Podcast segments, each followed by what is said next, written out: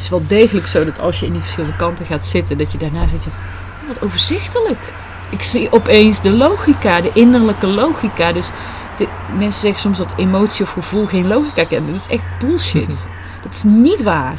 Gevoel heeft een logica. Die is misschien anders dan als je die probeert buiten te sluiten. Maar er zit absolute logica in die te maken heeft met bijvoorbeeld die polariteiten. Dat als je heel erg iets verstoot, heel erg iets buitensluit, dat je uh, het andere vaak uh, een giftige versie van zichzelf wordt. Hè? Dus als je altijd alleen maar pleest en elke vorm van egoïsme of eigenbelang of gewoon in je eigen kracht staan buitensluit, dan word je langzaam zo'n zeikerige pleaser, jongen. Dan word je echt zo'n kutversie van een pleaser, weet je wel.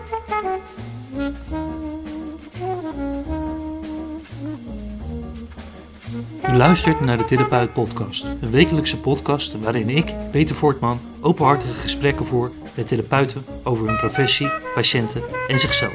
Luister mee naar bijzondere, schrijnende en grappige verhalen uit de behandelkamer. Vandaag ga ik in gesprek met Reine Rek. Naast dat ze werkzaam is voor de School of Life in Amsterdam, heeft ze haar eigen praktijk.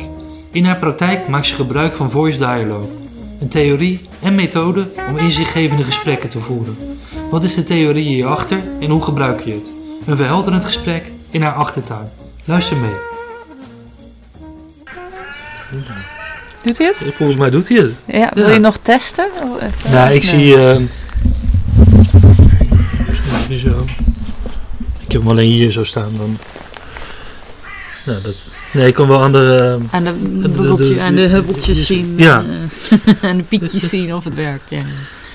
Um, ik, normaal vraag ik altijd, uh, gaan we u of jij, je en jij? Nou, ja? dat hoef je niet te vragen. nee. Ja, u. u? Ja, nee, je moet een beetje jezelf een beetje nee, geven. Ja. ja? je en jij, Oké. Okay. Um, nou, goedemorgen Reina. Goedemorgen. Goedemorgen. Um, ja, we gaan het over voice dialogue hebben. Ja. Onder andere. Maar misschien toch nog even, omdat ik toch wel benieuwd ben. Je, je, je, ja, je zit ook bij de School of Life van uh, Alain de Beton. Ja. Hoe, uh, hoe, hoe, hoe, ben je daarbij gekomen? Ja, dat heeft natuurlijk een, uh, een heel uh, praktische um, verhaal. Of, maar ik, ik, vermoed dat het vooral gaat over mijn achtergrond überhaupt. Ik heb humanistiek gestudeerd. Mm -hmm. Dat kun je in, in Nederland aan de Universiteit voor Humanistiek. Die zit in Utrecht. Heel klein universiteitje. Ik denk ook niet dat er nog een kleiner is dan dat. Uh, en uh, ja, dat is eigenlijk een, een, uh, een, een, universitaire studie die draait om zingeving en humanisering, noemen zij het. Of ethiek zou je het ook kunnen zeggen. Mm.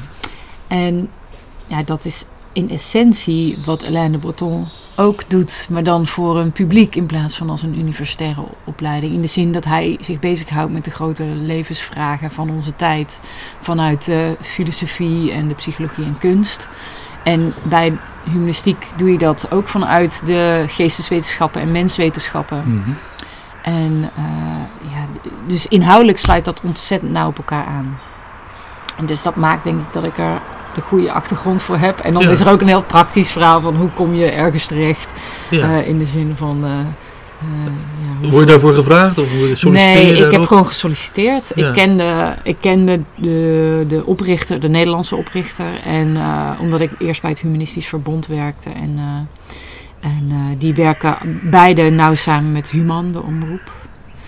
Dus het zat in het netwerk. En toen was er een vacature en heb ik gewoon ja, eigenlijk meer auditie gedaan. Want je moet echt wel, je moest toen twee dagen uh, meedraaien in een soort mhm. trainingsprogramma. En dan keken ze daar aan de hand daarvan of het, of het een goede match was. Je doet voornamelijk de kant van over de liefde en over het genieten van het leven. Ja, liefde, genieten en ook een klas over mislukken. Mm Dus dat zijn de vier classes die ik daar geef. En dat zijn dus de dingen waar mensen één avond over zo'n onderwerp uh, praten. Uh, en dan leren. Ja, gaaf. Ja, het is ja. heel leuk om te doen. Ja. En in je, in je, eigen praktijk gaat het dan ook voornamelijk over, over die onderwerpen? Of is dat... Nee, helemaal niet per se. Ik denk de meeste mensen die bij mij terechtkomen, um, kan je denk ik omschrijven als ja, dat ze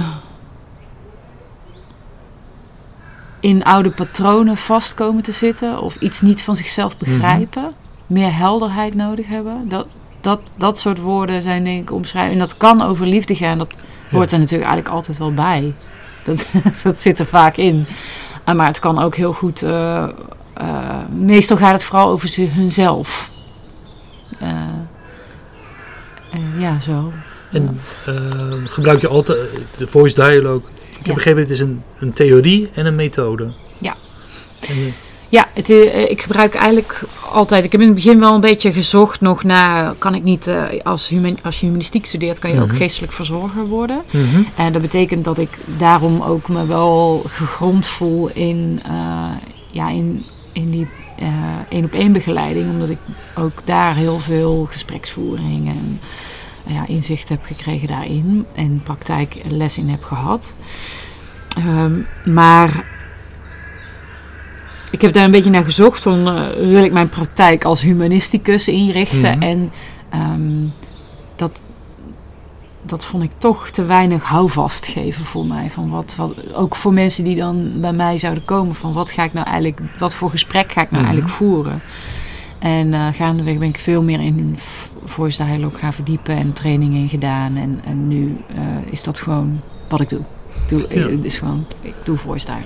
Wat, wat zie, zie je jezelf als een, uh, als een zorgverlener, een therapeut? Of, Ik zie mezelf als een heel goede gespre uh, gesprekspartner of facilitator. Okay. Wat ik toch anders vind, omdat ik de, de, de verhouding die je aangaat, denk ik, als je hulpverlener bent, is Mhm. veel meer uh, in het kader van iemand met een duidelijke uh, dysfunctie zit vaak. Dus als je therapeut bent of hulpverlener Mhm. of fysiotherapeut, ja, dan heb je pijn aan je been. Je been is iets mee aan de hand en dat moet beter functioneren. Dus het is heel duidelijk een abnormaal uh, uh, iets wat weer normaal moet functioneren. En dat is helemaal niet, alle mensen die bij mij komen, er is helemaal niks ab abnormaals mee aan de hand. Het zijn volledig uh, mensen die gewoon een normaal mensenleven leiden met normale Mhm. mm. mensenvragen. En ik zou bijna zeggen, ik denk dat het gek is als je je hele leven nog nooit uh, eens een keer van, bu van buitenaf een ander perspectief hebt gekregen. Of iemand die je eigenlijk een nieuwe manier laat zien om met iets te, je tot iets te verhouden. Uh, en zo zie ik mezelf meer als iemand die een nieuwe manier laat zien en iets begeleidt wat iemand zelf nog nooit heeft gedaan en daardoor dus nog niet kan. Hmm. En hoe, uh, ja, beschrijf eens de, de theorie achter Voice Dialogue.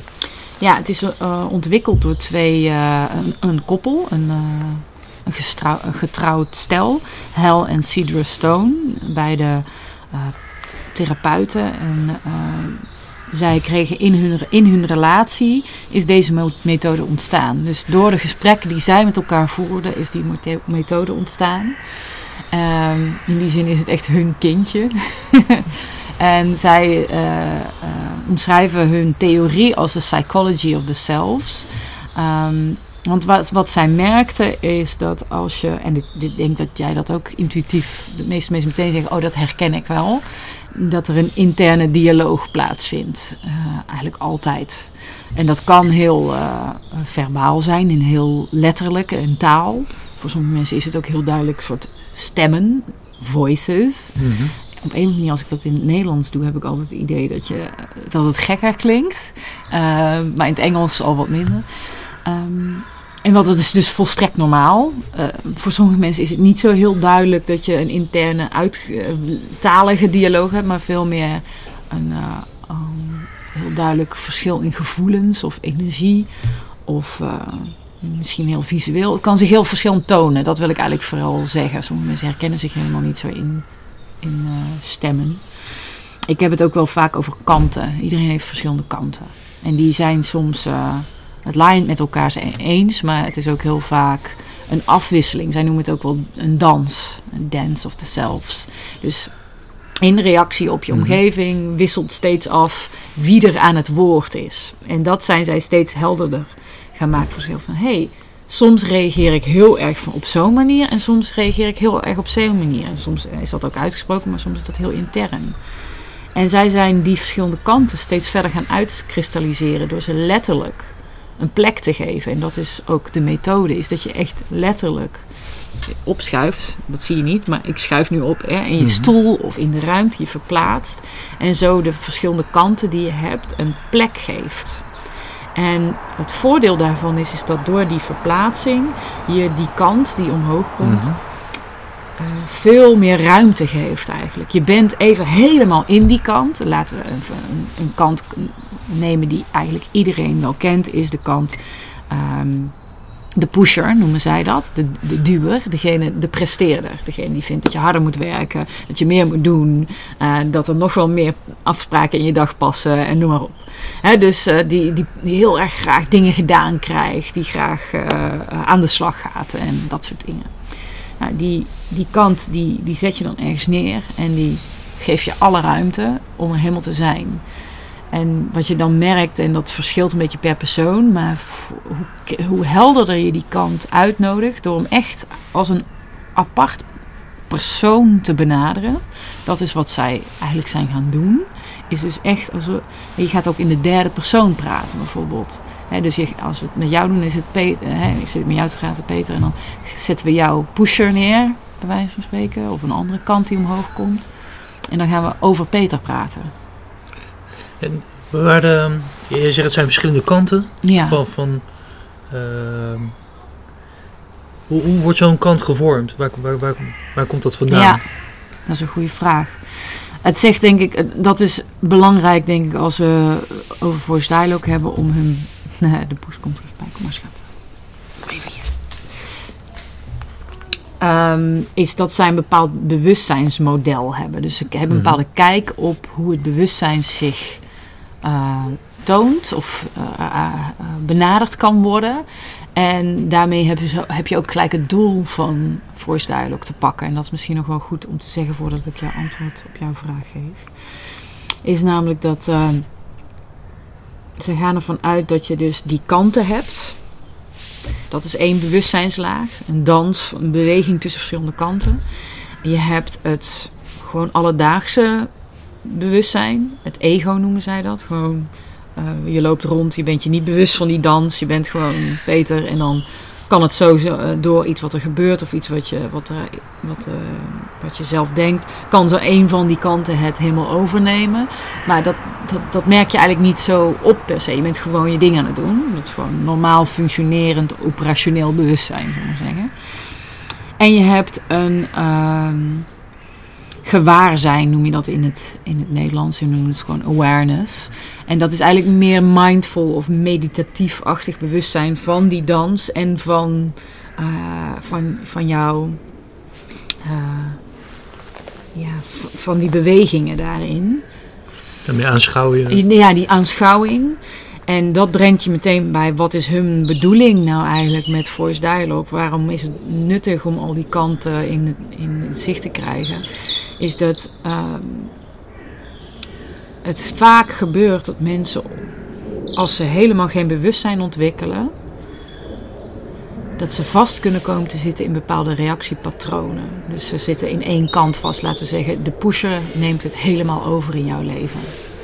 En dat is vaak waar mensen bij- mij komen. Zo zie ik dat vanuit Voice Dialogue. Een andere hulpverlener zal het weer anders interpreteren. Maar zo zie ik het vanuit Voice Dialogue. Is dat ze vastzitten in, in één primaire kant, noem je dat dan. Eentje die dus heel ge- gewoontelijk bij hun voorkomt.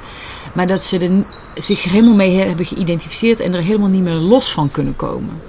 Ze zeggen van ja, ik, die pusher die is er gewoon altijd en ik kan er niet meer uit. Ik kan alleen nog maar pushen. Ook al heb ik soms een kant die zegt ik wil dit niet meer. Het lukt niet om daaruit te komen. Ze zitten vast in, dat, in die kant. En daar, daar is Voice Dialogue uiteindelijk. gaat over bewustwording van die dans. Waarom zit ik vast in één zo'n kant? Hoe zit het met de tegenovergestelde kant? En eh, hoe, wat is nodig om niet zozeer die kant weg te krijgen. Want dat is denk ik iets wat heel vaak eh, ook logisch is. Dat mensen voelen, ik wil niet meer pushen. Ik wil, gewoon, ik, wil gewoon, ik wil het niet meer. Ik wil niet meer hard werken. Ik wil gewoon stoppen. En dat eigenlijk proberen uit hun weg te duwen. Ik wil niet meer zelfkritisch zijn. Dat is ook zo eentje. Ik wil niet meer zelfkritisch zijn. Ik wil gewoon mezelf lief hebben. En dan proberen ze het weg te duwen. En dat werkt niet. Dat gaat, dat gaat eigenlijk nooit. Dat kan misschien een tijdje goed gaan, maar dat lukt bijna nooit. Dus het gaat heel erg over juist een bewustzijn van die verschillende kanten. De kwaliteiten die in elke kant zit. En ook uh, de valkuil die in elke kant zit als je er extreem in vast komt te zitten. En uh, Jouw vraag was... Ja, de, hoe ontstaan die kanten? Ja, hoe, waar, ja, ja, hoe, staan, ontstaan die kanten? Die zijn een normale uh, resultaat van een levensloop. Dus eigenlijk uh, begint iedereen ja, zijn leven met een uh, afhankelijkheidspositie ten opzichte van zijn ouders. Dus een onve onveiligheid en veiligheid zijn denk ik de meest ja, basale ervaring die je als kind hebt. Van oh hier voelt het veilig en daar is het onveilig. Nou, er gebeurt dan in je levensloop van alles. En uh, in eerste instantie, vanuit die kindpositie, ga je uh, gedrag en um, reacties ontwikkelen die bijdragen aan jouw veiligheid. Dus als je onveilig uh, voelt, dan ga je dingen doen die jou veilig laten voelen. Die, waardoor je voelt van hé, hey, die ouders die reageren op mij, die zijn er voor me, die blijven bij mij. En uh, dat is, zal maar zeggen, het begin van ieder mens. Dus daarom is het ook zo dat er heel veel variatie is in primaire kanten die we kunnen hebben, uh, in onze ervaringen. Maar eigenlijk is er ook een beperkt aantal primaire kanten. Het is net een andere mix die jij en ik hebben. Hmm. Maar het is ook heel universeel dat iedereen bijvoorbeeld een pleaserige kant heeft hè, uh, een kant heeft die probeert iedereen op zijn gemak mm -hmm. te mhm. stellen of tegemoet te komen aan wat anderen nodig hebben. Omdat dat als kind heel nuttig was om uh, dat te ontwikkelen, om af te stemmen op van wat heeft mama nodig, welk gedrag is ze blij mee, dat ga ik doen. Dus het zijn geen uh, zeg maar andere personen die je geïnternaliseerd hebt. En daar... Het kan. Het kan, maar dus, het zijn zou maar zeggen, universele kanten. Dus de beschermer is er ook eentje. En die is eigenlijk die is misschien het meest bazaal. Die is constant bezig met: is dit veilig? Hoe kom ik tot veiligheid? Hoe ga ik om met mijn kwetsbaarheid? Uh, wat toon ik van mezelf? Al dat soort dingen. En um, dat is heel universeel. Alleen jij hebt in jouw persoonlijke biografie representanten die, uh, die dat jou hebben laten zien hoe jij dat zou kunnen invullen, maar ook misschien juist hebben laten zien hoe, hoe jij het niet wil invullen. Hè, dat hangt natuurlijk af van je eigen aanleg. Uh, nou, heel basic is bijvoorbeeld het verschil tussen mannen en vrouwen. Mm -hmm. nou, veel vrouwen hebben iets meer de, die kant die. Het is niet per se zo. Hè? Ik ken echt al vrouwen die dat juist niet hebben. Maar het is wel iets wat voor veel mensen herkenbaar is. Dat vrouwen vaak iets meer als eerste de pleaser hebben ontwikkeld. In reactie op onveiligheid omdat, uh, omdat dat blijkbaar een makkelijkere route is of zo. Die route die ligt dan klaar. En dan hup, uh, ga, nou, ga je die kant op. Precies dezelfde reactie zou misschien een man uh, eerder een, ja, een afstandelijke, terugtrekkende beweging maken. Van in plaats van pleasen, ik sluit me af voor wat hier gebeurt. stel je voor, je, je, je groeit op en je ouders hebben de hele tijd ruzie. nou, misschien dat de uh, meer die plezierige kant op gaat. En de ander meer die terugtrekkende kant op gaat. En heeft elke kant ook een. Want er wordt gewerkt met, met tegenpolen. Ja. Heeft elke kant een tegenovergestelde kant? Of is, is dat één. Ja, is dat één, een kant met. Dus ja. met, met, met, twee kanten? Of, ja. Uh, um, nou, je, in voice dialogue werk je heel erg met polariteiten, omdat dat um, uh, en dat heeft te maken met dat uh, Stone uh, Jungiaanse wortels hebben. Dus Jung, Carl Jung. Um, die, die werkte daar ook mee. En nou, hij werkte eigenlijk vooral met het idee van een schaduw. Ja. Um, zo noemde hij dat.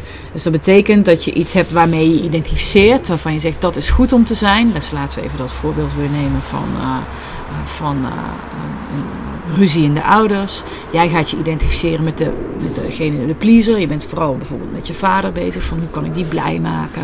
Want die, die, die, die, die, die wil jij graag pleasen. Die wil je graag blij hebben. Je wil graag dat hij gelukkig is. Of dat hij uh, jouw erkenning heeft en noem maar op. Dus jij gaat uh, je energie daarop richten. En je gaat je daarmee identificeren. Want het is een strategie die werkt voor jou. Het is nou, je kan blijkbaar heel veel mensen blij maken. Het is ook fijn om mensen te blij te maken. Dus het is ook intern een beloning. En dat ontwikkelt zich zo verder. Ehm, dan is er vaak zo dat het tegengestelde, de tegenpol of de andere kant van de medaille, allerlei metaforen voor gebruiken, uh, dat die uh, verstoten kan worden of heel onbewust, kan allebei. Soms kan het ook zijn dat het niet zozeer een bewust echt afwijzen is, maar eerder een gewoon geen bewustzijn van iets hebben. Dus egoïsme, eigen belang, dat is vaak ook de, wordt dan vaak als je het verstoten hebt, ken je alleen maar de negatieve woorden daarvoor. Gebruik je ervoor. Oh, dat is, uh, ja, ik, uh, dat mensen die voor hun eigen zin doen, dat zijn egoïsten. Die gaan alleen maar voor hun eigen belang en et cetera, et cetera. Dus dan stoot je dat af. Dus het is niet zozeer dat dat in zo'n kant. Ik zie het meer als in de termen van die dans. Als je één energie helemaal je toe-eigent, dan doet dat ook iets met de energie die het tegengestelde uh, in zich draagt. En dat kan zich op allerlei verschillende manieren tonen. Dat kan zich ook als een uh, heel duidelijke kant tonen. Zo kan je er ook mee werken in voorzijde ook. Maar het is, uh, ja. Is dat een antwoord op je ja, vraag? Ja, wel. Ja. En hoe kijk je ernaar dat, is het, um, je, je, je ego, die wordt dus beïnvloed door die verschillende kanten. Ja.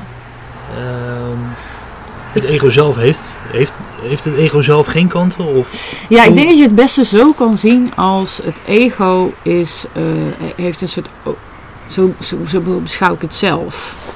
Het ego is als het ware een ruimte. En um, die ruimte kan onbewust zijn, gewoon helemaal niet bewust van hé, hey, ik ben, er is hier een ruimte waarin iets gebeurt. Of hij kan bewust zijn. Maar die dans, die vindt altijd plaats. Die, die is er eigenlijk, je kan niet zeggen de, de ruimte is gewoon volledig leeg. Dat is hoogstens tijdelijk zo. Uh, maar dan zodra daar eigenlijk weer bewustzijn van is, uh, kan je zien van hé, hey, dit is ook een kant. De bewuste kant. of de, hè, dus dat zou je ja. in voice dialogue termen ook weer neer kunnen zetten. Um, dat betekent niet dat er niet een zelf is waarvan je vanuit je spreekt. Um, maar het is heel moeilijk, vind ik zelf, om dat zelf te vatten. Te zeggen van, oh ja, dat is dan het zelf en dit zijn die kanten. Dat is zo'n interactie. Het is geen, je bent niet de optelsom van al je kanten. Je denkt eerder meer. Er is altijd een meer. Oh ja. Er is altijd een, een meer. Mm -hmm. Maar er is wel uh, uh, kanten die heel primair zijn. Dus die, dat betekent dat ze voor jou eigenlijk de, de kanten zijn waar je het meest in, in, in, in, begeeft. Ja. Uh, en die zul je ook als jezelf omschrijven. Maar als ik het strikt genomen zou zeggen, dan zou je van al die kanten zeggen, kunnen zeggen. En daarom is voice duidelijk voor een deel ook uh, niet alleen een, iets om tot zelfbewustzijn en vrijheid te komen, maar ook echt een spirituele benadering. Um, vind ik zelf in ieder geval. Um, strikt genomen denk ik dat je altijd kan zeggen dat er een kant is die aan het woord is. En wat gebeurt er als je. Hebben die kanten. Is, is, is, er, is er een soort van strijd gaande? Of een, uh... Soms wel. Ja, ik denk. Ik weet niet of jij wel eens innerlijke dialoog. Of je het überhaupt ja, herkent wat ik vertel. Ja, ja zeker wel. Ja. ja. ja. En in jouw leven heb je wel eens uh, het idee dat ze. dat ze in strijd zijn? Ik denk het wel. Ik denk. Uh, ja, of. of dat, ik, dat ik een soort van besluiteloos van kan worden. Dat ja. je twee kanten hebt die ongeveer even zwaar wegen. Ja, precies. En ja, niet, dat je niet weet van ja, wat, wat, wat, wat ja, je kan, uh, er valt evenveel voor die kant te zeggen als voor die kant. Ja. En ik, ik, weet het niet. En, ja. uh, is dat dan vooral met beslissingen voor jou? Ja, um, het klinkt een beetje alsof je iets aan het wegen was. Ja, ja, ja. ja. Dan, dan, ligt het inderdaad in of, ja, hoe, je, hoe je ergens op reageert. Of, of hoe je... Want is het, is het een streven om, om dat te middelen? Nee. Moet het één ik worden? Of één, nee. één, uh, nee, absoluut niet. Of, uh, je moet uh, helemaal niks, sowieso. um, en ik denk dat voor mij... Um, is voice dialogue in essentie gaat het over de, de, het proces van die dans tussen die verschillende kanten steeds meer bewuster meemaken. Uh, en ook echt tot in je tenen begrijpen waarom één kant steeds terugkomt. Steeds weer zegt van jij, jij kan wel leuk willen. Eh, laat ik even een eigen voorbeeld nemen. En misschien uh, dat het leuk is om voor jou ook een voorbeeld te kijken of we dat kunnen onderzoeken, omdat het wat minder abstract Mhm. wordt dan. Iets waar ik eh, heel erg mee, nou echt al heel mijn leven zo'n beetje heb gestrukkeld, is omgang met technologie. Toen ik heel jong was al, eh, had ik een ontzettende voorliefde voor tv kijken. en nu nog steeds vind ik. nou, ik moet wel zeggen dat het, dat het ook inmiddels wel echt heel veel mee heb, is gebeurd. Maar voor mij was het een van mijn go-to dingen als ik, als ik uit wil. Als ik dus even niet in de dialoog wil zitten, in, dan ging ik, zet ik gewoon de tv aan. Maar ik voelde me daar ook heel schuldig over. En toch lukte het me niet om ermee op te houden. Ja, ja. Nou, dit is een soort van alledaags geaccepteerde verslaving waar zo'n beetje de halve wereldbevolking nu mee struggelt volgens mij. Omgang met hun telefoon is het dan nu geworden. Is dus hoe ga ik daarmee om? En wat ik heel begrijpelijk vind, maar absoluut niet werkt, is dan te zeggen wilskracht. Ga gewoon stoppen hiermee. ja. En, eh, want technologie is er helemaal op ingericht dat je wilskracht als het ware wordt lamgelegd. ja. En daarnaast eh, denk ik dat kunnen we dan de technologie zeggen van dat is heel slim en knap gemaakt. eh, kudos, goed Ja. gelukt. Ik, I'm hooked. maar er zit ook een kant aan bij mij van waarom, waarom voel ik me daartoe aangetrokken? En eigenlijk wilde ik uiteindelijk vooral controle erover hebben en ermee ophouden. Ik wilde gewoon dat het stopte. Ik wilde co- zelfcontrole hebben. En dan werd ik boos dat ik eh, geen controle over mezelf had. En dan kwam er een soort interne criticus eh, langs die eh, alleen maar mij omlaag ging halen. Nog meer reden om alsnog wel lekker op je telefoon te gaan kijken. Want als je je zo voelt, Ja. is het nou niet echt een florisant landschap waar je in begeeft. Dus lekker zelfbewustzijn uit tv aan. En, en dat is dus een, een soort van, ja, dat is een innerlijke strijd. Eh, waarin ook ik vooral heel lang vast heb gezeten in de weerstand bieden aan hetgene wat je niet wil. Dus proberen mijn, laten we zeggen, mijn verslaafde kant uit te bannen. Want welke kant is het dan die uit wil? Hoe, hoe zou je die omschrij- omschrijven? Die ik uit wil, bedoel Nee, nee, je zegt van ik kijk tv om uit te gaan. Dus eigenlijk om een soort van, niet, ja, gewoon eh, verstand op nul en eh, meegaan. Ja. Wat, wat voor kant is dat om, om uit te willen? Ik denk dat eh, dat, dat een, een, een, kant is die zo ja, heel erg ondergewaardeerd is, maar dat het een heel bazaal verlangen is om soms uit jezelf te kunnen stappen. Dus niet eh, bewust te zijn en gewoon verstand op nul te hebben. Ja. Zo zou ik hem omschrijven. Ik weet niet of dit nou precies jouw vraag Nou, maar is, eh, Ik weet niet of ik je vraag goed Nee, begrijp. ja, is, dat, is dat een kant in je? ehm, is, je, je zegt van er zijn verschillende kanten die aan het Hmm. woord kunnen komen ja, en die ja. overnemen. Is dit een specifieke kant of is dit een, een, een, een andere? ehm, Vanuit Voice Dialogue is alles in je bewustzijn een kant. oké. Eh, dat, het. dat- dat is op zich makkelijk. Ja, alleen soms Ja. heb je hele duidelijk eh, f- helder, eh, heldere stemmen en heldere kanten die heel duidelijk uitgekristalliseerd zijn. En soms heb je eh, vage vermoedens. Het is goed om te zeggen dat Voice Dialogue. En, en dat, dat lijkt een beetje te merken in hoe jij het vraagt. Van, het is enerzijds iets wat oproept van. Oh ja, is een overzicht en dan kunnen we alle kanten achter elkaar zetten en dan weten we hoe we in elkaar zitten. Een soort verlangen om naar, Ja. naar een mooi overzichtelijk plaatje van alle twintig kanten die de mens Ja. heeft of zo. En dat, die, dat, is, eh, dat, is, eh, dat kan voor een, voor een stuk bij Hans Cedar de Mhm. Soort de meest primaire eh, kanten die bijna bij iedereen aantroffen, geïdentificeerd. Maar ehm, in, onze, in onze ervaring kan oneindig veel op omhoog komen. Je kan zelfs een voice dialogue sessie hebben met je grote teen, bij wijze van spreken. Uiteindelijk is voice dialogue vooral een energetische methode. Dus je stemt niet zozeer af op, oké, welke kant gaan we nu even spreken? Dan gaan we even nou zeggen, nou wil ik de pusher hebben. En dat is dan iets wat jij gaat bedenken. Ja. Ik stem al in een sessie af, niet zozeer op wat je hebt bedacht, maar op wat er daadwerkelijk gebeurt bij jou. En ik vraag jou om daarbij te blijven. En dan doet het er eigenlijk niet zo heel veel toe of die kant een naam heeft en een heldere afbakening heeft. Je maakt gewoon wat er op dat moment het helderst aanwezig is, eh, steeds sterker. En soms zijn dat twee kanten tegelijk. En dan, dan beslissen we ook samen van, oh, we gaan nu... Oké, er zijn eigenlijk twee dingen die hier omhoog komen... die steeds met elkaar in gesprek gaan. Uh, laten we bijvoorbeeld in mijn verhaal een voorbeeldje zeggen. Er is een kant die dus lekker uh, verstand op nul wil en uit. En er is een kant die, daar, die daarop neerkijkt. Zo van, nou ja, het is echt super slecht dat jij dit doet. En dat zijn de eerste twee kanten die heel duidelijk naar voren komen. Oké, nou, we gaan eerst eens even die ene kant uitkristalliseren. Wat heeft, hoe voelt die kant? Wat heeft die kant te zeggen? Maar sommige kanten hebben nul woorden. Die voel je alleen maar.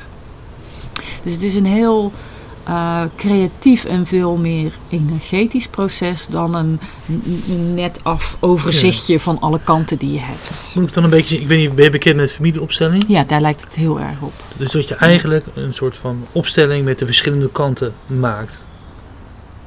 Is, ja, de, daar lijkt het op, ja. De, Absoluut. Je zegt e- energetisch. Ja. Um, want ja, zo'n zo kant, is dat, is dat een eendimensionaal iets? Uh, of, of, of ja, hoe, hoe ga je het gesprek aan met, met, met zo'n kant? Hoe... Het is het leukste als we het nu zouden doen. Ja. Ik, uh, ik weet niet of je daarvoor voelt. Uh, ik zit even na te denken waar, waar we het dan over gaan hebben. Het maakt niet zo heel veel uit eigenlijk. Mm, het maakt niet zo heel veel uit. Nee, het, hoeft niet zoiets heel uh, fundamenteels te zijn. Het gaat er meer om uh, dat je kan horen ook en ja. ervaren ja, ja. Hoe, dat, hoe dat werkt. Nou, wat ik bijvoorbeeld opmerk, maar je moet mij corrigeren nee, als, ik, als ik ernaast zit. Hè? Want dan, dit is enigszins iets wat ik misschien opvang wat helemaal niet klopt. Maar wat ik merk is dat er een, dat ik waarschijnlijk vooral met een kant van jou spreek hmm. die uh, iets wat redelijk is, of uh, een denkende kant, zal ik het zo zeggen. Een kant die overzicht wil en die uh, heel precies wil begrijpen hoe dingen zitten. Ja, Klopt dat? dat klopt. Ja. Ja, Dus die kant, die, zou, hè, die, zit, die zit mij om details te vragen. En uh, om over een, een totaaloverzicht met steeds specifiekere detaillering van hoe alles werkt. Ja. Klopt dat? ja nou, dat is wel... Ja, en eh, ja, ja, zeker. Ja. Ja, Dus wat we dan zouden kunnen doen, is dat we die kant nu even, eh, even net op een, iets naar links of naar Ja. rechts zetten. Dus dat mag jij doen. Ga je even, en deze kant, ken je deze kant van jezelf? jawel. Ben je er vaak bij Peter? Mm, ja. Ja. Heb jij, eh, wat vind jij belangrijk? Ehm, ik, ehm, ik, eh, ik leer graag. Ja, Ik- dat dacht ik al. Ik begrijp graag. En ehm, het, het, het, het, eh, het, dwing- het dwingt je om, om uit de abstracties weg te gaan. Ja, ja. Dus ja, en ook voor, voor jezelf. ook het, denken te, te activeren en, en, en, en ja. ja, de, de, ja de, het, het te begrijpen. Dat, Ja. dat het daarop neerkomt. Ja, je wil graag dingen begrijpen. Ja. En je, vindt, je zei net, ik wil uit abstracties. Dus wat vind je dan belangrijk aan uit Nou, abstracties? wat, wat, wat ik, wat ik vaak merk is dat, ehm, dat- dingen beschreven worden die je op Mm. v- verschillende manieren kan invullen. Ja, ja, En daardoor blijft het aan de ene kant vaag, ja, ehm, wat op zich goed is. En soms worden dingen heel erg concreet ingevuld, ja. Wa- ehm, waardoor. ehm, hoe moet ik het uitleggen? Als iets helemaal wordt ingevuld, ja. dan, dan kan je er alleen maar eens of oneens Ja. mee zijn. ja. En dan, dan, dan kan ik eigenlijk alleen maar heel erg bevragen van ja, waarom dan niet, ja. waarom dan niet net zo? Of waarom dan niet net, net Ja. zo? Ja, En dan, dan dus, dus als het heel erg concreet is, wil ik graag eh, dat het vager wordt. En als het heel vaag is, wil ik graag Oh, dat, het concreet, Ja. dat het concreet Jij wordt. wil eigenlijk toevoegen wat er ontbreekt in jouw beleving. Ja. ja, ja, leuk. En ja, maar dat is leuk. En ik, ik schat in dat jij ook een van de belangrijkste ja, kanten bent van Peter die er zo'n podcast dan wil doen. Voor de podcast is het ja. op zich handig. Ja, ja, ja, ja. En in andere delen van Peters leven, waar ben jij eh, Ehm. aanwezig heel erg? Hmm. Nou, ik ben ook wel, ik vind, vind ik, ik volg graag de politiek of het nieuws. Of dus, Ah, ja. ik ben eh, misschien een nieuwsjunkie, niet helemaal tot de max. En tot ook wel vrij specifiek voor bepaalde dingen. Maar dat, is, dat, dat vind ik ook gewoon ontspanning, zeg Ja, maar. ja, ja, Ja. je vindt het echt fijn om veel van de wereld te leren. Ja. ja. En waarschijnlijk, als ik je dit vraag, zeg je van, ik weet het niet precies, maar waar voel jij jezelf vooral in Peters lijf? Ja, dan toch in mijn hoofd. Toch vooral in je hoofd. Ja. Ja, dat is ook heel logisch. Hè? Ja. Ja, ja, dat is heel logisch. Maar dat kan je misschien ook wel echt waarnemen, van dat jij vooral hier je afspeelt. Ja, Ja. dat is mooi. Leuk, leuk. Nou, dit, dit, dankjewel. Wil je nog iets toevoegen? nee hoor. Nee, dan mag je een beetje terugschuiven. Ja. En dan mag je hier voelen dat er een Mhm. verschil is tussen daar zitten en daar zitten. Ja, Dus je hoeft niet meteen iets te zeggen. Ik knip het er maar uit als het te lang duurt. Maar merk maar gewoon, oh ja, net zat ik daar en dan was het zo mijn hoofd. Dan zei ik dit soort dingen. En nu zit ik hier en dan merk ik, dan zakt de energie een klein beetje. Ik weet niet of jij dat ook voelt. ja. Wat is het verschil voor jou? Mm. Nou, het is minder eh, dwangmatig of zo. Het is minder moeten. Ehm, ja, Minder uitvergroot misschien. Ja. Ja. Waarschijnlijk ken je deze kant heel goed. ja, ja, dat is, eh, ja. Dat, eh, dat- ik denk dat er wel een groot, groot gedeelte van, Ja. van wie ik ben is. Ja, Ja. ja. Nou, kwamen hierop omdat jij iets vroeg over van hoe ehm, afgebakend zo'n kant dan is, toch? ja. Dat was volgens mij de Ja. vraag die... Nou, misschien dat ik het meer eh, in, de, in, de voorbereiding zag als zeg maar, verschillende ikken. Daar wordt Mhm. vaak wordt in ieder geval in, eh, eh, naar gerefereerd. Dus dat je het idee krijgt, dus dat je echt switcht tussen, Mhm. tussen ikken. En als jij zegt het zijn kanten, Ja. dan, dan is het al misschien iets anders. Ja, Eh, ja, ik heb, je, het... heb je bewust daarvoor voor, voor kanten gekozen in plaats van ikken? Ja, ik weet dat in het Nederlands loop je gewoon een beetje tegen, vind ik met, met voice dialogue, een beetje tegen vertalingsbarrière aan. Zelfs voor mij voelt anders dan ikke. Ja. Dat klinkt voor mij anders. Een zelf is, ja, dit is helemaal niet een vandalen. Het voelt voor mij opener. Als ik zeg, ah, different selves, dan heb ik niet het gevoel dat ik over afgebakende delen heb. Ja. Maar, en eh, in het Nederlands vind ik dat niet goed werken. Eh, het is een correcte vertaling, maar eh, voor mij roept het ook op wat het bij jou oproept. Van een ik, Ja. dat is een iemand. Weet Ja, je wel, dat is iemand met een uiterlijk en een lijf of zo. Dat is een ik. En dat is niet een, iets wat ik heb er niet meer. Ik heb maar één ik. Ik heb Ja. niet verschillende ikken. Ik, heb, ik heb, ben één ik. Ehm, dus voor mij werkt dat hetzelfde als voor jou. En daarom heb ik dat, eh, ja. eh, spreek ik liever over delen of kanten. Omdat ik anders in de war raak gewoon. Ja, nee, want ik, ik vroeg Ja. dus ook af, heeft zo'n ik dan een bepaalde leeftijd? eh, stopt hij op een gegeven moment met groeien? Of, Ja, dat kan wel. Dat kan zeker. Je hebt kanten die heel erg duidelijk een leeftijd hebben. Mhm. Eh, dus dat kan, dat kan zeker. Ehm, en ik denk dat je daarin bij verschillende eh, voice dialogue practitioners ook een verschillende focus hebt.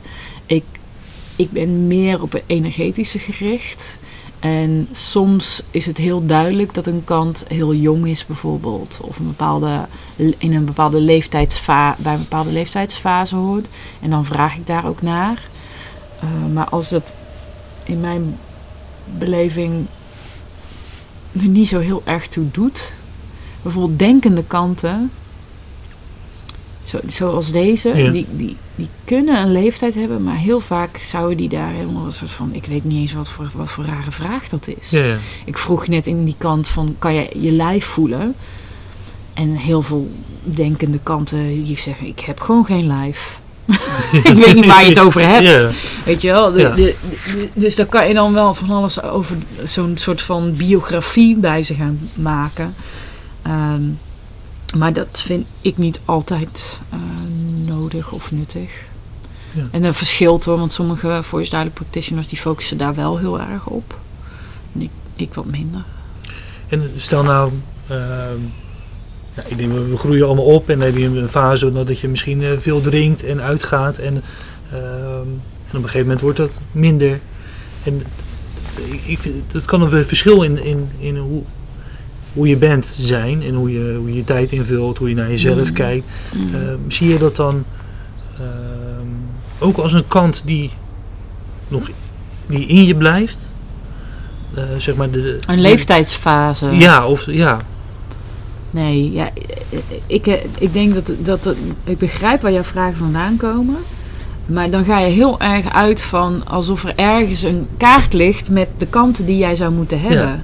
En zo, zo werkt het niet. Het werkt andersom. Mhm. Ik ga met jou een sessie aan en dan Ja. blijkt dat jij deze kanten hebt. Mhm.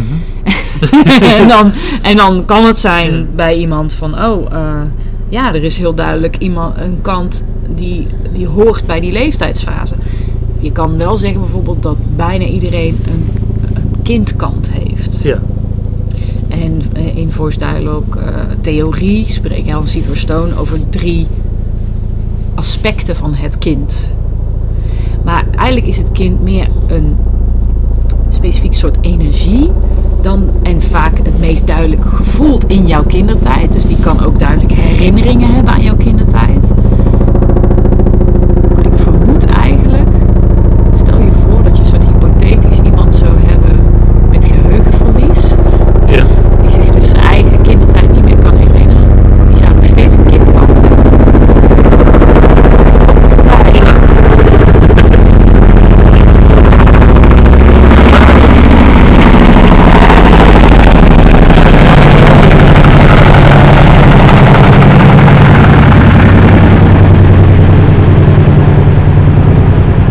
Een heleboel leuke vogeltjes, maar ook helikopters.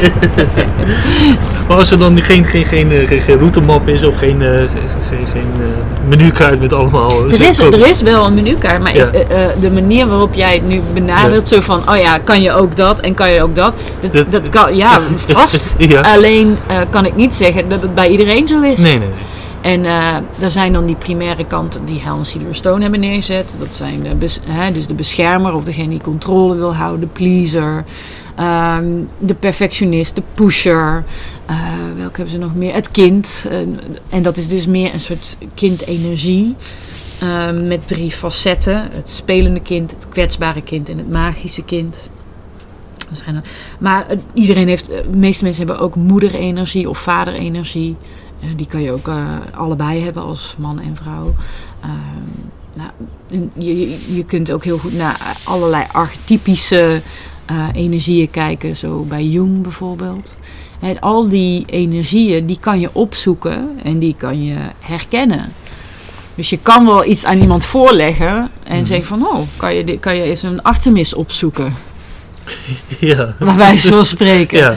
Uh, en als ze een beetje kennis daarvan hebben, dan kunnen ze die misschien ook wel vinden. Maar zo werk ik niet. Dus, je- dus je laat iemand eigenlijk een verhaal vertellen of een, je laat iemand iets vertellen en dan daar pik je uit van hé, hey, daar herken ik iets in of... Je, eh, ik resoneer dus op die energie. Ja, het is een ja. energetische methode. Ja. Dus dat, dat probeerde ik net te laten zien. Van Hmm. ik, ik, ik kijk gewoon, ik stem af op wat ik hoor Ja. in iemands verhaal. Ik ga niet aan iemands verhaal opleggen van, oh, we, hè. Je kan eigenlijk altijd wel zeggen dat als mensen bij, eh, bij eh, iemand komen omdat ze vastlopen, ehm, dat er ook belangrijk is om bijvoorbeeld die kind, dat, de, de, de kwetsbare kant te horen. Dat is bijna altijd de kant die Ja. namelijk beschermd wordt. Laten we even teruggaan naar je voorbeeld met dat tv kijken. Wat heel, waar ik heel bewust van ben, is een kant die dus de tv aan wil zetten en een kant die dat maar niks vindt. Dat is meestal het eerste waar je bewust van bent. En dat is dus een tegengesteld energie, maar ook echt een bijna tegen, eh, letterlijk tegengestelde actie. Van de een wil Ja. eh, dat je allemaal nuttige dingen gaat doen en iets van je leven maakt. En de ander wil, ik wil gewoon even mijn hoofd uitzetten. Ja. En niet twee zitten daar te ouwe hoeren en te duwen tegen elkaar. Daaronder zit de kwetsbare kindkant die, die, eh, die van alles eng vindt en zich niet veilig voelt. En daarom liever zo van, nou doe die tv maar aan. Want die enge schreeuwlelijk daar, die staat te zeggen dat ik niet goed genoeg ben. Maar daar ben je in eerste instantie niet per se bewust van. Dan kan ik in een sessie zeggen, ik weet van, nou waarschijnlijk moeten we uiteindelijk iets met, de, met die kwetsbare kant. Maar als ik dan als eerste zeg tegen iemand, nou weet je wat, ik, eh, wat nodig is, is dat we even contact krijgen met jouw kwetsbare kant. Is, dan krijg ik, eh, kan ik wel doen, maar dan krijg ik bijna 100% zeker. Of iemand die contact met, met die kwetsbare kant en zich daarna totaal onveilig voelt. Van fuck, ik vast zat er meteen in en ik, eh, ik kon er helemaal niks aan doen. Die voelt zich niet meer onder controle. Die denkt, fuck, ik eh, ga gelijk zitten janken daar. Ik kan er niks aan doen. Dat, was, dat wil ik helemaal niet. Of ik krijg gewoon de beheerser of een redelijke kant die zegt, nou, er is niks aan de hand. En eh, nou ja, weet je, het is een beetje onhandig. En ik, dat, dat, zo, dat, dat werkt niet. Nee, nee. Je moet iemands eigen systeem is uiteindelijk de helende factor, niet ik. Dus iemands eigen systeem die toont altijd als eerste wat nodig is om te tonen. Aan zichzelf en aan mij. Dus misschien krijg ik eerst een beschermende, hele redelijke, denkende kant. En die vind ik even belangrijk. Dan ga ik van, oké, eh, jij komt naar me toe omdat je je onvrij voelt. Maar je hebt er alle ideeën over. Vertel ze maar aan me waar, wat, wat voor ideeën je allemaal hebt. En hoe je het allemaal ziet en wat je er al over weet. En dan krijg je dat en daardoor ontspant die kant zich. Want die mag zijn zegje doen. Eh, en dan ontstaat er weer iets nieuws. Ik weet nog niet wat eh, het pad precies zal zijn. Maar meestal ontstaat er dan meer een mogelijkheid om ook een iets zelfkritischere kant te horen. De kant die daar dus niet zo blij mee is met die denkende kant. En zo volg je het systeem van iemand. Iemands systeem zit perfect in elkaar. Dat bestaat zo omdat het zo moet bestaan. In reactie op die omgeving die die persoon heeft gekend. Dus daar moet je alleen maar respect voor hebben. Je gaat er niet zomaar zitten sjorren en dan zeggen... Nou, eh, allemaal leuk en aardig, maar jij moet je kwetsbaar gaan leren voelen. Eh, nee, moet die persoon eh, misschien helemaal niet. Moet zich iets anders voelen of whatever eruit komt. Het is meer het bewustzijn van, van de verschillende kanten. Ja, en het bewustzijn dat, dat het begrijpelijk is dat wat, hoe je reageert, dat is vaak heel, vinden mensen vaak heel fijn. Dat ze meer voelen, oh, hoe ik in elkaar zit is helemaal niet zo heel raar. Het is eigenlijk best wel logisch. Er zit een interne logica in en dat stelt mensen heel vaak heel erg gerust, want dat geeft natuurlijk zelfvertrouwen. Ja. Eh, als jij in een innerlijke strijd zit die je niet begrijpt en waar je ook heel ongelukkig van wordt, is het heel makkelijk om te denken: eh, ik ben kapot. Of ik ben degene waar het allemaal niet bij werkt. Ehm, er is iets mis met mij. En al die andere mensen niet. Dat denken we er vaak dan ook nog bij. En dit is veel meer laten zien van hoe je in elkaar zit. Het is heel logisch. Het zijn gewoon reacties op elkaar. En Normaliseren. Die heel eh, begrijpelijk zijn en ook heel universeel. Niemand ont, ont, ontkomt aan die reacties. Omdat we allemaal als baby geboren worden en dan ouders hebben die ons opvoeden. Dus we, we delen daarin veel meer. We zijn daar veel meer hetzelfde in dan dat we van elkaar verschillen. Eh, en, en dat is in zichzelf dan vaak al een ontspanning, waardoor er meer ruimte komt om eh, ook te merken dat je je dus helemaal met één zo'n primaire kant kan identificeren. Of soms kan loslaten van, hmm, ja, ik ken mezelf vooral als die perfectionist. Maar ik weet niet of ik het echt ben. Het is een stuk van mij. Hmm. En ik kan wel degelijk ook andere stukken van mezelf eh, me die voelen of me daarmee verbinden.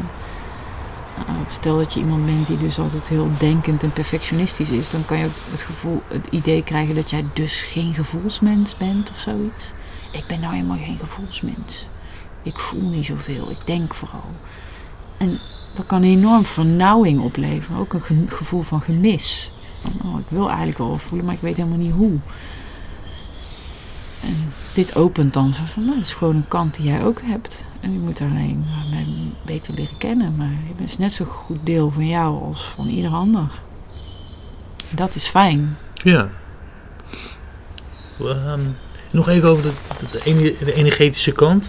Is dat, is, voel je dat gewoon aan? Of hoe- ja, Dus, eh, vindt dat gewoon plaats? Dat is, ik denk het wel. Ik denk, ja, energetisch natuurlijk altijd een beetje... Voelt heel mysterieus. En tegelijkertijd is het super alledaags. Ik denk dat jij, jij voelt mij nu ook aan. Ja. En dat is gewoon, eh, ja, dat kunnen we vast een soort van opbreken in non-verbale communicatie en intonatie en weet ik veel wat allemaal. En ik denk dat dat, ja, dat moet je vooral doen als je dat leuk vindt. Ehm, Mhm. ik denk eh, dat ervaring wel heel erg meespeelt. En eh, dus eh, hoe vaker je dit soort werk doet, ehm, hoe, hoe beter je daarin wordt. In afstemmen op die, op, op, hoe, op die verschillende stukken die omhoog kunnen komen. En het herkennen van, oh ja, dat stuk dat beweegt meestal zo. Maar uiteindelijk is het vooral een eh, soort heel open en eerlijk teruggeven aan iemand die tegenover je zit. Van, hey, ik denk nou dat ik dit zie, klopt dat? Eh, en oké, kun je dat wat sterker maken? Door zelf in je lijf te zakken in waar voel je het dan precies? Of als het heel erg denken is, kun je me meer vertellen over wat, er- wat je dan allemaal denkt? Ehm, dus dat is een heel interactief proces. Eh, wat begint bij eh, ergens een vermoeden of iets voelen van hé, hey, ik merk dat als jij dat zegt, dat, hier, dat ik hier iets voel van hé, hey, dat is blijkbaar gevoelig. Ehm, want dat is het woord dat ik eraan zou geven. Wat voor woord geef jij eraan? Dus je gebruikt jezelf als een soort. eh, ja, toch wel, vind ik dat wel zo'n. zo'n toon. Ja, ja, ja, als een stemvorm. Ja. Dus van, je dus de basisgedachte daaronder is, en dat is dan de gedachte, maar eh, is dat ehm, ja, je- als mens in staat bent om af te stemmen op een ander mens. En eh, dat is ook mijn ervaring. En je vraagt gewoon of, je, of het klopt. Wat Ja. je, en dan kan die ander gewoon eerlijk zeggen: ja, dat klopt of niet. En uh, maar verdraaid. Heel vaak klopt het en soms zit je ernaast. En, eh, en dan kan, maar dan is jouw inbreng een soort beginpunt van eh, dat die ander wel vertelt wat er dan wel gebeurt. Heb je zelf ook dit eh, helemaal door- ondergaan? Ben je zelf in... Ja. in- Ja, ja dat is wel. en wat heeft het jou, wat, wat heeft het jou gebracht? Of, Nou, het heeft mij heel veel vertrouwen gebracht in, in dus dat echt dat we dat ik en eigenlijk iedereen een, eh, een, een, een, een lijf en een, eh, een organisme heeft dat in principe eh, in staat is om zichzelf te genezen. Of, of om zichzelf te ontwikkelen of te ontvouwen. Want genezen klinkt al een beetje Soms is dat wel aan de orde. Ik denk Mhm. dat soms mensen zich echt kap- verwond voelen of in, in, in psychologie en, getraumatiseerd voelen. Dus dan is er wel sprake, denk ik, van genezing. Maar ook als je dat niet hebt, dan is er misschien een ontvouwing. En, dat organismes dat vanzelf doen. En soms lopen ze even vast en dan kan je dus nudgen. Van, oh ja, even voordoen van hoe ziet hoe ziet een, een bewustwordingsproces eruit? Hoe kan je dat aanpakken? En dan doe je het voor en dan pikken organismen dat eigenlijk zo op. Die gaan zelf gewoon, oh, oh ja, oh, deze kant moeten we op. Dus dat bewustwordingsproces of ontwikkeling, ontvouwingsproces is een volledig natuurlijk proces. Ik voel me meestal gewoon als eh, getting out of the way. Ik doe dan toing. En dan van, eh, oh, vertel eens waarom je hier bent. Dan highlight ik eventjes van ik hoor dit.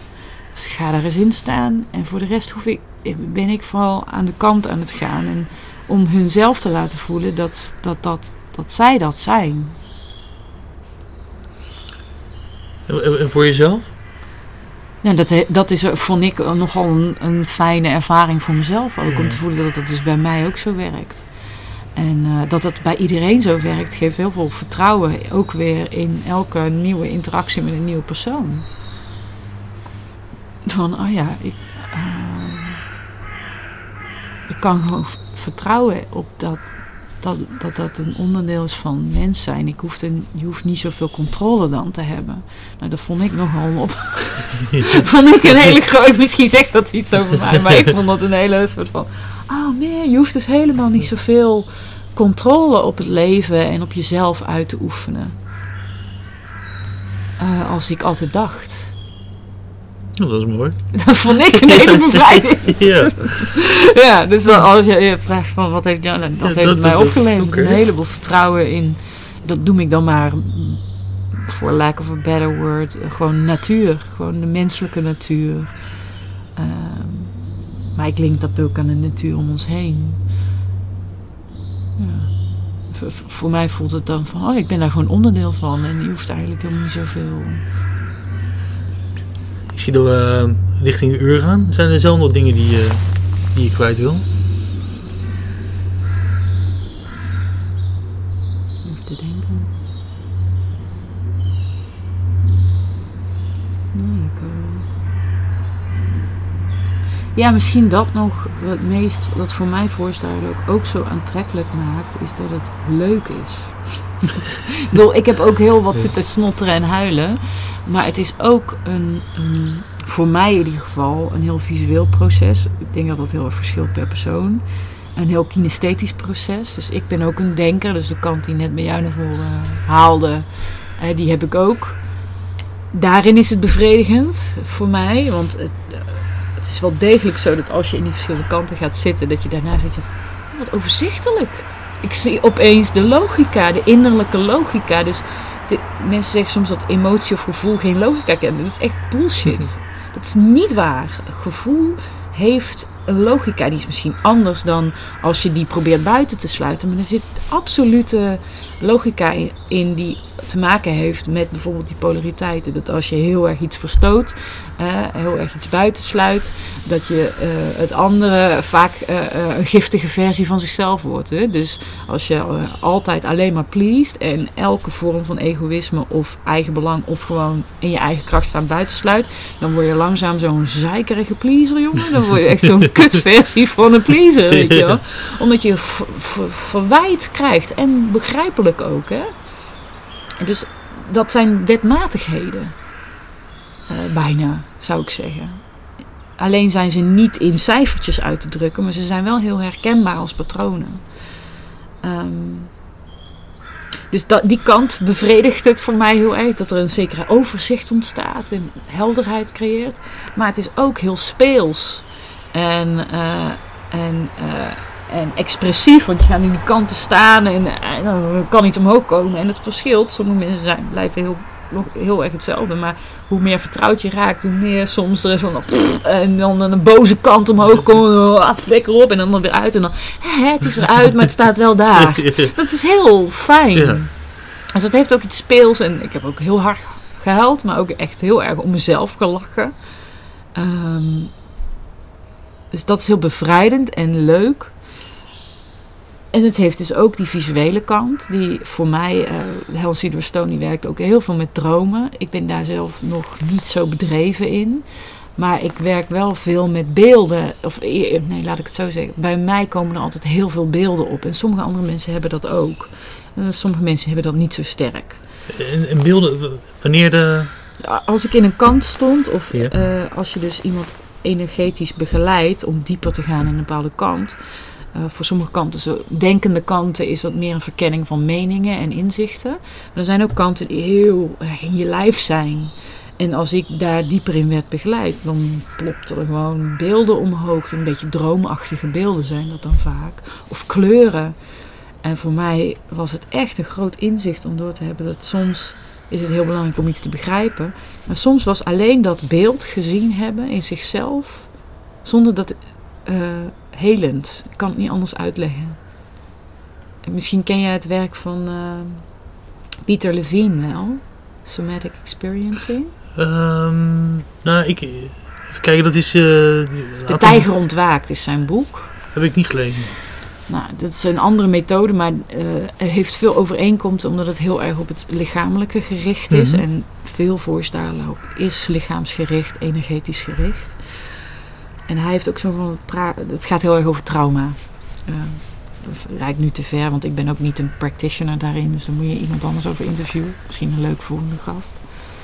Ehm, en ehm, in zijn boek werkt hij ook met verschillende mensen die dus een trauma hebben meegemaakt.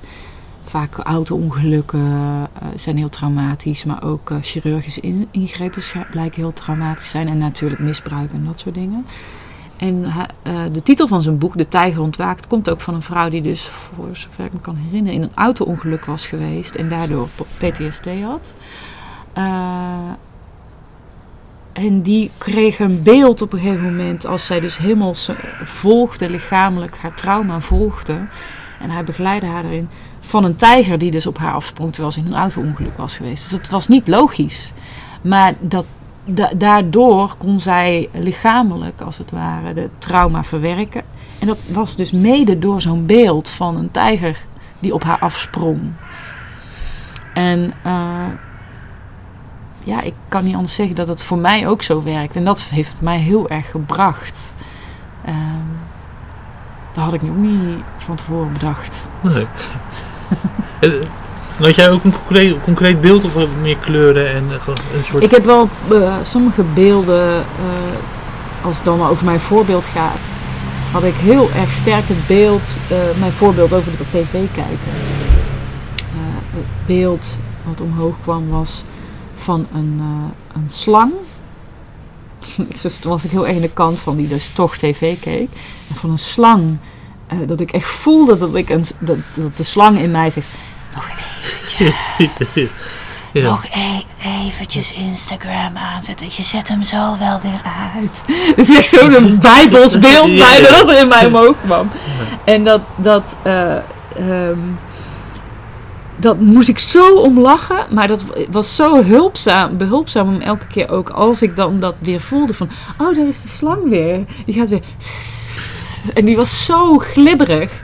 En vanuit dat slangbeeld kwam mijn facilitator toen op het verhaal van Salomon, koning Salomon. Die, eh, eh, ehm, en dat bleek helemaal op aan te sluiten op de veroordelende kant. Dus een soort rechter in mij die zo van dat mag niet bestaan. En die begreep ook helemaal niet waarom ik dat deed. En wat een raar gedrag. Je moet daar gewoon mee ophouden. Je bent onbetrouwbaar. Die zat daar helemaal te, te oordelen. En die was meedogenloos.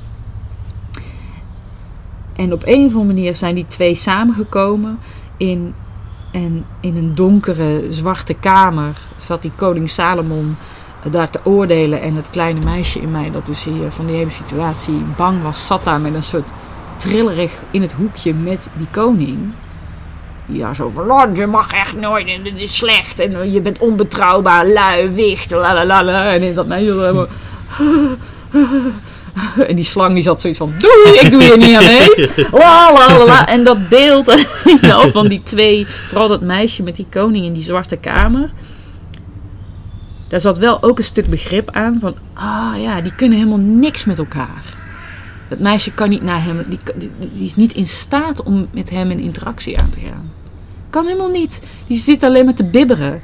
En die man, die was ook helemaal alleen. Die koning die zat met te schreeuwen van fuck, niemand luistert naar me. En die was eigenlijk ook heel gefrustreerd, terwijl die ooit met goede bedoelingen zei van die wilde het beste voor mij. Maar die had niemand om mee te praten. En dat beeld vond ik heel troostend, of niet troostend, ik moet zeggen. Ik begreep opeens Ik kreeg van- sympathie voor de... voor, de hele, voor beide kanten. Dus het was opeens niet meer dat ik zo bang was voor die koning. Ik snapte opeens zijn machteloosheid. En zijn frustratie. En ik snapte ook dat dat meisje daar echt niks te zoeken had.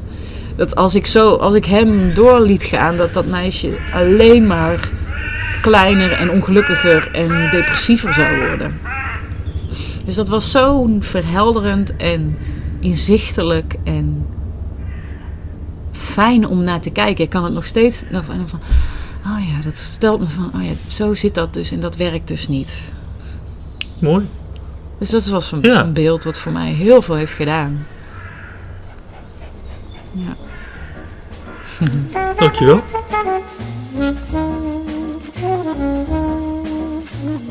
U luisterde naar de Therapeut podcast. Abonneer u via uw favoriete podcast app en krijg elke week automatisch een nieuwe aflevering. We horen graag uw mening. Vragen, opmerkingen of suggesties kunt u sturen naar info.detherapeutpodcast.nl of laat een review achter via uw podcast.